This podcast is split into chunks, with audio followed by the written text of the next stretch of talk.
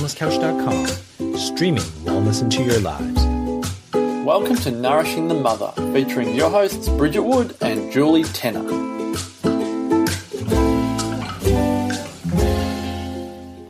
Hello and welcome to Nourishing the Mother. I'm Bridget Wood. And I'm Julie Tenner. And before we crack into today's nourishment and health through pregnancy, which is hopefully, if you are considering pregnancy or, or pregnant currently, this is a bit of a go to guide, we're hoping, of, mm. of, what we would consider in pregnancy building up towards being ready for birth in the most optimal way possible. We'd love to remind you to jump onto nourishingthemother.com.au and on our homepage there is a join our tribe little box for your email address and name. And once a week, we will send you a wrap up of everything in Nourishing Mother, all the links, all of the blurbs, so you can pick and choose what you would like to read or listen to some more on. And then occasionally we'll send you another email that's a toolkit or a musing or an awakening of ours that's quite personal, um, related to our lives or our kids or, you know, our journeys that um, may provide some extra wisdom for you as well. So if you would love to continue your learning and expand your version of tribe with us, then please jump on to nourishingthemother.com.au. Mm.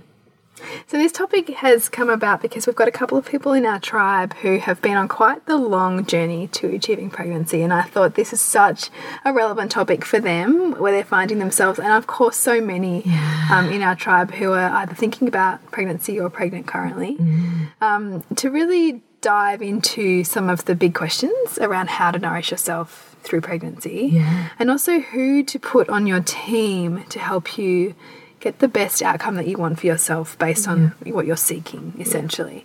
Yeah. Um, and it was funny as I was sharing with this friend, I was thinking, God, I forgot how much I actually know around this topic because mm. it's been an area for me that I've wanted to be incredibly well read and researched and intentional about over, you know, the last four or five years. Yeah. And so I'm like sent her home with a pile of books and I've got some DVDs waiting for her to pick up and Well let's just start there. Yeah. So what pile of books did you send her home with? I sent her with um well, I guess I said to her, you can either take this now or take it later because I never know whether women are wanting to think about birth yet when they're first pregnant or whether they're just yes. simply wanting to, to look at the pregnancy. Because yes. I know for some women it's all about get to 12 weeks and get to 20 weeks, then yes. we'll sort of think about birth. Yeah. However, this one of my particular friends is looking at a home birth, and so for her, getting it set up and her intentions right is, is, is paramount in the beginning because there's a lot of work practically and also emotionally around being ready for that kind of birth. Yeah. So I sent her home with Rhea Dempsey's book, Birth with Confidence. Yeah. Savvy Choices for Normal Birth. So Rhea is a childbirth educator who Jules has trained with. Yeah um, and is incredibly knowledgeable around um, the physiology of birth and, yeah, pain dynamics. Pain, yeah, pain yeah. dynamics, and which I just find is fascinating. I think she's the only strong voice that really is talking about let's get real about pain yeah. and how women deal with it in birth, psychological and physiological. And she, in fact, she wrote a um, she wrote a really great article for me on suburban sandcastles, which is just it was about a year ago, and it's just doing the rounds again now. Like I keep getting it's, it's, he's getting set, um, fantastic shared. So yeah, hop on if you want to get a taste of what Rhea's all about. Is that in a blog? So suburbansandcastles.com forward slash Yeah, blog. just going to go into blog or articles, whatever it is. It's in the articles from about yep. about July 2016 um, because yeah, she she's such a wealth of knowledge and wisdom. Oh, she is um, around birth and, and that pain dynamics thing, which is which is really important, I think, for women to to read about and understand the system. Also, if you're looking yes. for a hospital birth, the system in which you're birthing, yes. um, and and what normal birth looks like in that system versus what normal birth like, looks like physiologically. Yes. Um, so that was a book I sent to my friend home with. I also sent her home with Well Adjusted Babies by Dr. Jen Floreani, which is another one of the kind of holistic health Bibles around. So, what did you want her to get out of that book? She, well, I said to her, look, because this friend is also um, one who can be quite, and she's the first to admit it, likes to control things and, and can sometimes go too far one down one particular garden path.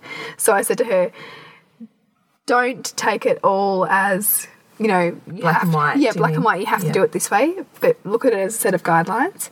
Um, and she's like, yeah, you know, totally, I'm down with that. Because so in terms of health and, and health, um, philosophy, um, philo philosophy also, and just in terms of particularly nutrition, because sometimes if you get so focused, I think on nutrition in pregnancy and what you can and can't eat, and have I nourished myself enough, there can be also a flip side of anxiety that comes with that. Yeah. And that was not something that I wanted this particular friend to to breed within her um, because I think that your first pregnancy already does enough of that without you having to intentionally start to read all the things and conflict all of the advice and start to do your head in. So I love Jen's book, and in fact, I'd love to get Jen on the podcast because it's such a lovely holistic look at pregnancy and birth and nourishment and giving yourself permission to nourish um, and really care for yourself um, and for your baby. Um, so that's, that was another book that I gave her. What does that mean to you? Permission for you to nourish yourself in pregnancy? Well, I think for I think for particularly if, if you're a woman and you are perhaps working a busy corporate job or you've got lots and lots of demands put on you, it can be very easy to get sucked into the needing to show up, kind of martyrdom around womanhood and, and needing to play.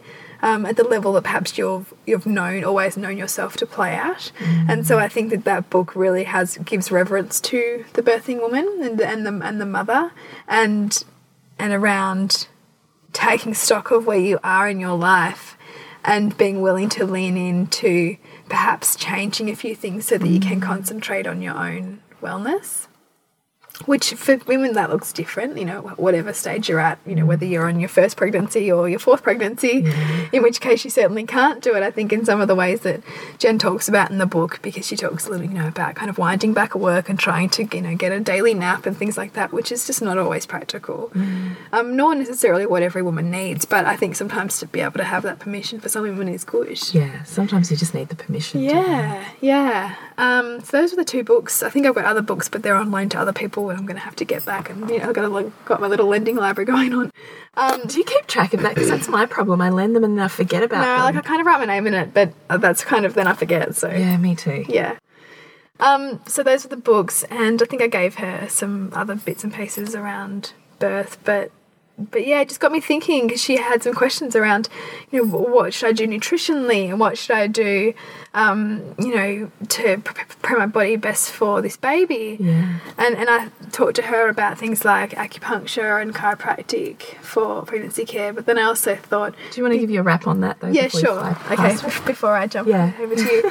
Um, yeah, so I mean, acupuncture's been a critical thing, I think, for me. Um, I have loved that through my um, preconception and um, pregnancy journeys with both my kids. Um, because what I love about acupuncture is that it works with the meridians of the body, so it works on an amazingly energetic level.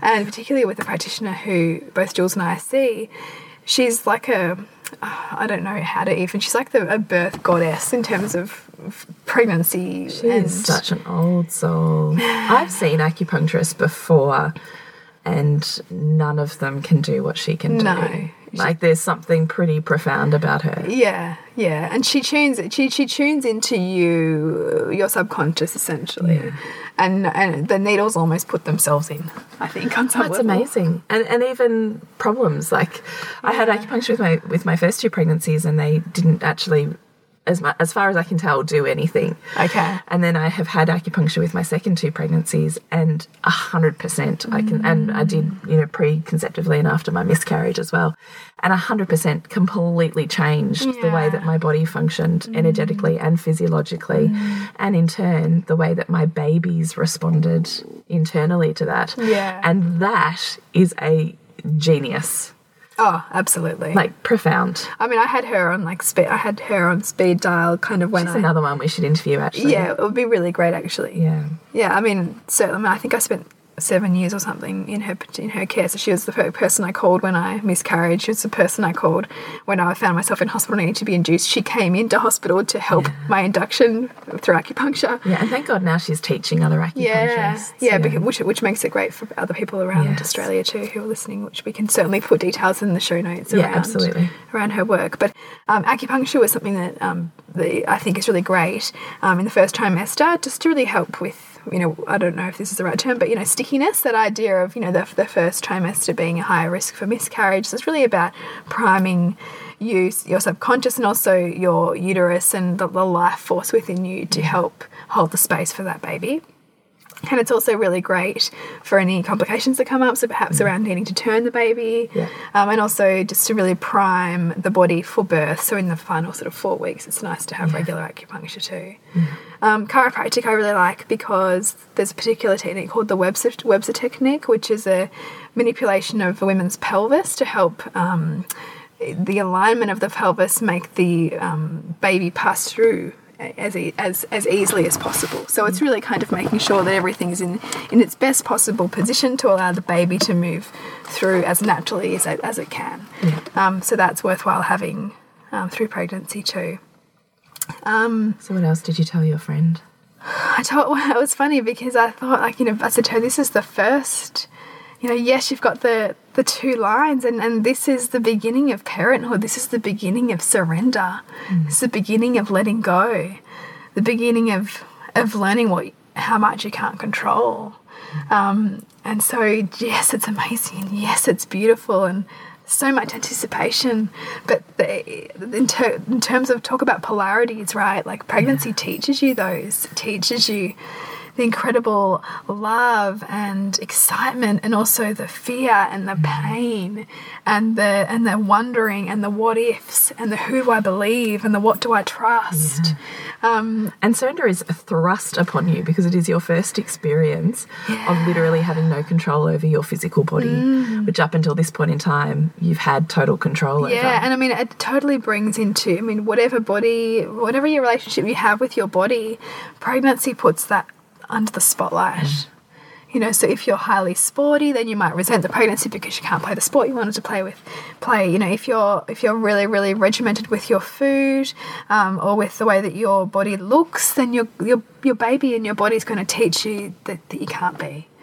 And if you really enjoy, like Jules, you know, being in your body and, and really loving on your body, then you're going to have potentially a pregnancy that's going to really challenge that, which is certainly what I know you've been feeling. So, so pregnancy brings up all of these relationships with our own bodies as well, um, which I don't know that um, traditionally Western approaches to pregnancy and birth hold reverence for Yes. at all. Yes. Um, which is also why I really feel strongly that that having some holistic therapies um, to help you along the pregnancy journey are, really pa- paramount. Creating a team around you Yeah. ensures that that you pr you show up within the most optimal way possible. Yeah. You know, this concept of doing it on your own is is you're only so Rhea. Do you know one Rhea? One of Rhea's quotes for birth, but I think it applies universally to um, any situation we find ourselves in when we're facing our greatest passions. Right? You know, what was your quote? Moving into the fire of our greatest passions, or something Yeah. like that. Whatever you said, it was beautiful. Um, is your team. You are only as strong as your weakest link. I love that. And, I, and that quote stays in my head, and I can still hear her voice when she says it because it's so profound. It's such simple words, and yet so profound. You are only as strong as your weakest link. Which is always a conversation that I feel myself wanting to have, but I'm tentative about with women who are pregnant and, and facing birth. You know, who are saying, "Oh yeah, I'm just just having this person," or "I'm just gonna." Go to your midwifery, or oh, yeah, I've got my obstetrician. I think, yeah, but who, who's around you? Because because that's key. And so this particular friend had said to me, you know, what do I do? Like, do I worry about my private health cover? Do I just switch it back on? You know, and I said, well, okay, if you're seeking a home birth, then don't bother about private cover. Yeah. Um, And and she's like, oh, you know, what would you do? And you know, what what would your choice be again? And and it's a hard one. How because, lovely to be asked. Though. Oh, it's beautiful. because that's a real invitation in, as opposed to you going, "Here's how you should do it." Yeah. know, which I which I really avoid. You know, like Yeah. my, my sister in law is pregnant at the moment, and and I was so careful with the words that I said and what I what what advice I gave her. Not much, um, because I think it's so much a woman's own prerogative how she how she journeys into that. Yes. Um, and and what she seeks, kind of what she seeks to bring into her her, her realm. And her readiness. I mean, you could say you could say exactly the same thing to her, and if she's not there, she's not going to hear it. And it's funny because I've kind of been sitting the last few days, I've been thinking, do I send her the links to our birth part one and two, or do I just not? And I kind of feel like I just don't. No, you don't. Because it's just, it's She not. knows you've got that wisdom. Yeah. If she wants it, she will seek it out. Mm. Yeah. And so, I mean, even this particular friend, you'll love this. Um, or not. her obstetrician said to her, um, she doesn't recommend home birth for a first birth because you really need to prove yourself that you can birth first. Wow. Which I thought, That's a fascinating concept. Yeah, isn't it? Because I comment. because. I was as I was saying to my friend, I was like, wow. So you put yourself in one of the most difficult environments in which to, In to- which which to to- achieve a normal physiological birth. So it's kind of like a baptism of fire, where if you triumph, it's kind of like an anomaly because the statistics are like three percent of women achieve physiological birth in hospital. Yeah. So physiological meaning no intervention yeah, whatsoever. yeah. So I thought, gosh, you know, and that's the paradigm. You know, that's the paradigm essentially that that that, that is look that women are uh, looked upon. You know, you need to you need to prove you, you're okay to birth enough to have a home birth. But so often women go to home birth after they've had a challenging first experience and wanting something really different. So when she asked me what I what I would look to do, you know, in setting up a team, I you know, was explaining to her, well, if you're wanting to have a home birth, you need to look for a private midwife. Um, but they're, they're likely not, not going to engage you much before 12 weeks. But No, but you can go and interview with, with them. yeah, meet, meet and see who you them. see who you resonate with. Which is really important. I actually do think it's important to to meet a couple of independent midwives Yeah. at least. because they all have such a different, so different. energy, and and that's, that's what you're looking for. You know, if you're looking Who for the really maternal one Yeah. Mm. who's going to mother you, or you're wanting somebody who's a bit more, um, you know, off in the corner knitting kind of. you Yeah, know. or who is more medically cautious. yeah. So there's a huge spectrum. There really and you've got to find the midwife that matches your needs. Mm. But I mean, I said to her, I said, you, you you're in a great position because you know what kind of care you want. So it's simply about finding the midwife that you resonate most with, and then you can simply you know, massage it however you want it to go. I mean, you may find at some point that you're not comfortable and have it at home, in which case you can take that same midwife if you built an amazing relationship with and move into a hospital environment. That's right. And and that's what's so fantastic. So I said, you know, for me, I'd be looking for a private midwife and a doula, and that that would be my team Yeah. you know, and then supported by, um, you know, along the way, my own holistic health needs, so the chiro, the acupuncture, and then we'll get on to the nutrition. That's from beautiful your perspective. advice. How that- did, how did she respond to that? yeah, she was really, really um, keen, I think, to get started. I mean, this she's she's incredibly, um, you know, well read and researched and spent a long time, you know, years really preparing for this moment and has learned so much. Um, so I was, I think, largely confirming a lot of what she was already Already already knew. You know, needed someone else, particularly, you know, and this is what frustrates me and pains me so much, particularly after she'd gone to this doctor who'd said you need to have this, you need to do this, you need to do this, and and already even though she was so knowledgeable, was starting to question everything she'd known mm-hmm. because she was told she had to have this scan and the home birth wasn't safe and mm. and in that moment, in that split second, until she started to question again and trust herself. All of that, all of everything she'd ever known had gone out the window because this person in this white coat who was trusted had said this. But this is back to the point of you're only as strong as your weakest link. That's the point of having really strongly aligned and integrated voices Mm, around you is to rebound. You can still find your own voice in that. You don't need to subordinate to anyone. No. But you want to make sure that what you end up choosing is an authentic choice for you, Yeah. not out of fear or um, old patterning of needing to be the good girl. Yeah, and then then to toe the line, whatever Yeah. that line is. Yeah. Um, yeah, so so I'd love to throw over now to nutritionally and Yeah. um, supplement wise what other things women can do to really prepare themselves and, and what that means because I think that there can be so much fear around don't eat this food and don't eat that food and and also is the baby going to get enough Yeah. the good stuff I get that completely. The way, the where, the way I always start this conversation, I suppose, is just to understand the physiology of the way that we're designed as um, women growing babies in a nutritional sense. And what I mean by that is our babies uh, get first priority of, of everything. So, whatever nutritional stores you already have, whatever nutritionally you are consuming, your baby gets first priority. Your body automatically diverts all of those required nutrients for growing a baby to the baby, and you, as the mother, get what's left over. So, when we're looking at supplementing in pregnancy, we're looking at supplementing the mother mm. because she's showing signs of deficiency, not because the baby is. Mm. Because what will happen is if it's not already in your circulation or in your tissues or bioavailable or already in your diet, your body will literally pull it out of your bones mm. and pull it out of your organs and give it to the baby. Which is so interesting because I wonder if that calls into question all of the tests and things like that that are done to pregnant women, which are used as a deductive reasoning to say that the baby might have something wrong with it, like like gestational diabetes and things like that, because the mother might be showing certain things, but that doesn't necessarily mean that the baby is is also not getting. No, lacking- nu- lacking nutritionally, I think that's. I think something like gestational diabetes or hypertension, you're still going to be dealing with an interplay of bloodstreams. So Mm. that's still sitting in a in a different category. But when we're talking purely on a, a biochemical, yeah, Yeah. nutritional basis, that's the way that works. It's why we see, you know, these incredibly emaciated third world country mothers who have the Mm. most bouncing, beautiful babies when they're born. And it's because those babies or the body literally will pull it out of that mother to give priority to create life. Yeah. And so this is when we see deficiency signs in mother. This is why we post pregnancy and beyond have issues with bone density and with mm. organ function and with hormonal function and tissue density and muscle mm. mass is because if we hadn't already had it in our bodies or in our diet during pregnancy, it's been extracted out of us. Yeah. yeah. Yeah. So, it, it- the way that I want to say this is just to one, just relax mm. in terms of what your baby is or isn't getting because it's largely, um, you know, the baby will be looked after. Mm. So you do the mm. best you can, and the baby will be looked after. It's paying attention to you and how you're feeling and your body that actually dictates kind of which way you take hmm. nutrition in hmm. pregnancy. I don't think that there's this, well, the baby requires X amount of iron and vitamin B and da da da da. Yeah, blah, blah, blah.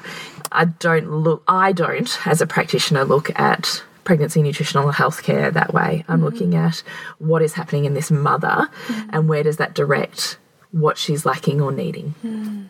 So the only other thing I'll add to this is um, nausea. So morning sickness, um, pregnancy nausea of any sort. And that's me and my story. And it is fucking brutal when you are feeling so sick and you've been vomiting. The very thought of putting a tablet down your throat mm. makes you want to dry reach just even thinking about it, let alone doing it. So, you know, I've had in all of my pregnancies high aspirations of, you know, and I've seen with my first and second, I saw a naturopath. And in the end, I stopped because I couldn't actually put into my body the stuff that was prescribed because I was just so rottenly sick. Oh Gosh. And uh, particularly with my first pregnancy, um, it was pretty hardcore naturopath at that point. I was just plagued with anxiety and guilt about what I wasn't putting into my body for my baby. And now I realise what a load of rubbish that was. Excuse me, because I'm still sick, which is funny when we're talking about health and pregnancy. Um, because our bodies will always actually provide for the baby first. Mm. So if you're still humming along and feeling reasonably pretty good, you're doing okay, you know. Iron is probably the one nutrient that I do encourage women as much as they can to supplement on mm. because you are using such an extraordinary amount up. In general, most women I see now are deficient in vitamin D and um, iron mm. And zinc. So these tiny minerals that we don't kind of have the diet that supports and the vitamin D because we're the slip slop slap baby Yeah. generation and Yeah. it worked so well that now we have no exposure to sun and therefore you know incredibly vitamin D deficient. Mm.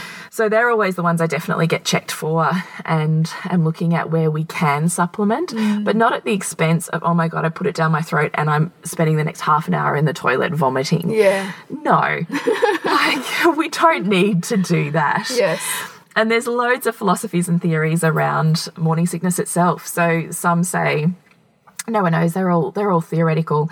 Some say it's a sign of a really strong pregnancy that those hormones are really deeply entrenched in the body and, and strong some say it's a um, not generational, that's not the word, historical version of healthcare that our bodies are mediating what we do and don't need by not allowing us to consume certain foods and allowing us to consume others. That in a way it's an innate Yeah. a version of, of getting our nutritional needs met.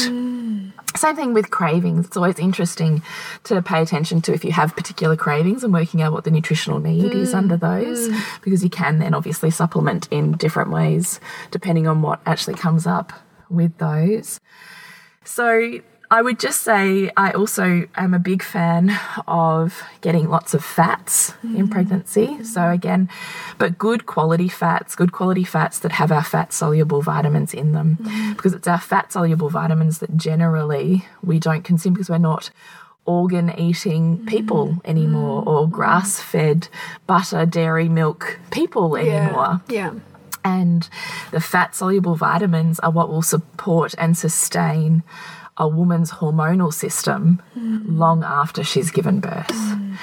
So I'm looking more at what I see in my practice as being, I suppose, causative of, of not coping well is when those steroidal hormones don't function well.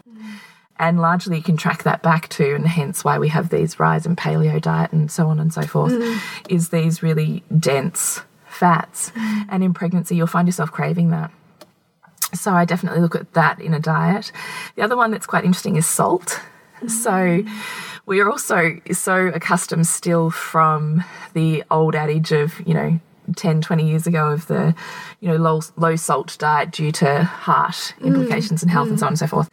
Now you can get excellent quality salt, right? You can get your pink salt, your Himalayan salt, your good mm. quality sea salt, which in and of themselves are a multi mineral supplement. Yeah. So the other interesting thing is that with morning sickness, salt can actually um, be the cause. Mm. So some women carry like salt flakes with them, and sometimes it's enough just to pop one on their tongue, and the nausea kind of mm, disappears with it. The other thing with salt is that salt holds fluid in the body. Mm-hmm. And in pregnancy, we're doubling the fluid, mm. sometimes tripling the fluid mm. that we have to hold to, in order to support double the blood volume, the amniotic fluid, the baby's fluids. Mm. Like we're doubling to tripling the amount of fluid we have to hold. Mm-hmm. And if we don't have salt enough in our body to hold that fluid in our tissues and in our cells and in our blood vessels, we can't. And that's when we also get sick and we get problems and so on and so forth. Yeah. So, sodium you'll often get tested for in pregnancy anyway, but salt is another one just to be conscious of, but good quality mineral based salt. So, they're probably the main areas I go to. I'm looking more hormonally what's sustaining this woman and providing enough iron that um, hopefully she's not getting to the point of anemia, which can certainly happen by second or third trimester. Yeah. um, the other thing to look at too is placenta encapsulation. Yeah, oh, yes. postpartum? Great. Yes, definitely. Definitely. What do you want to say about that? Well, I don't know, but I, I'm pretty sure on one of our podcasts, what did I say? Don't encapsulate your placenta at your peril. Yes. Something like that. Yes. Is that what I, is that what I said? I think it was something like yeah, that. Yeah. because I just had I didn't I didn't do this for my first pregnancy, but with Sylvie I did, and like the the vitality that Completely I completely different, continued isn't it? to yeah yeah. that I managed to achieve, you know, amid that newborn haze was Yeah. pretty amazing. Yeah. Um, just because of the nature of the fact that you're consuming all of the things that your body is missing, you are putting straight back in. Yeah. Which is extraordinary because we're the only mammals that don't consume our placenta. yeah. And yet the placenta itself is primed specific to you and your baby, like specifically I still take one every now and again, and she's Oh. 10 months old. they're actually amazing. Like specifically, perfectly balanced and nutritionally aligned for mm. your exact needs postpartum. Like it's mm. incredible. You couldn't actually mix artificially a, a, a hormonal, a nutritional, a mineral complex like this, and yet here it is, and we toss it in the bin. Like it just actually blows my mind because I'm the same. I didn't do it with my first. With my second, um, placenta encapsulation kind of wasn't big or I wasn't aware or it wasn't around for me at that point. So it was placenta smoothies and things back Yeah. then. And I was like, oh, no, I just can't do Yeah, that. that's big bit And so I far. didn't. Yep. And then with my third, I had um, the placenta encapsulation, the same thing. Like, felt freaking amazing, like incredible. And I've organised to have my placenta encapsulated for my fourth as well. So I absolutely resonate with that. Yeah. That hundred percent. And you know, you should do I, I am so. I mean, anything that is going to support the incredible demands put on on a new mother, Yes. and and on and on supporting her so she can support her baby. I am all for. Yes. And I think the placenta encapsulation is a beautiful example of that. Yeah, it really is. Mm. So I really hope that this gives you a bit of an overview of the way that we view nourishing the woman and mother in pregnancy, and also that little postpartum piece as well. Um, and that our personal stories and perspectives on on the advice we would give is somewhat helpful to you in our tribe. And of course, if you've got any other questions, we'd love you them to send them our way. Um, and so, yeah, to connect with you, Jules. Is thepleasurenutritionist.com.au. Yep, to me, it's suburbansandcastles.com. And of course, if you want to connect with us at Nourishing the Mother, it's nourishingthemother.com.au. Nourishing the Mother on Facebook and Instagram. And thank you so much for listening this week. We love that we get to do what we do and that we have a beautiful tribe listening to us and, and commenting and connecting and being part of this whole peeling back of layers. Mm. So we'll see you next week when we continue to peel back the layers on your mothering journey. This has been a production of TheWellnessCouch.com. Check us out on Facebook and join in the conversation on Facebook.com forward slash The Wellness Couch. Subscribe to each show on iTunes and check us out on Twitter. The Wellness Couch, streaming wellness into your lives. Whilst the Wellness Couch presenter endeavor to provide accurate and helpful information to their listeners, these podcasts cannot take into account individual circumstances and are not intended to be a substitute for health and medical advice from a qualified health professional. You should always seek the advice of a qualified health professional before acting on any of the information provided by any of the Wellness Couch podcasts.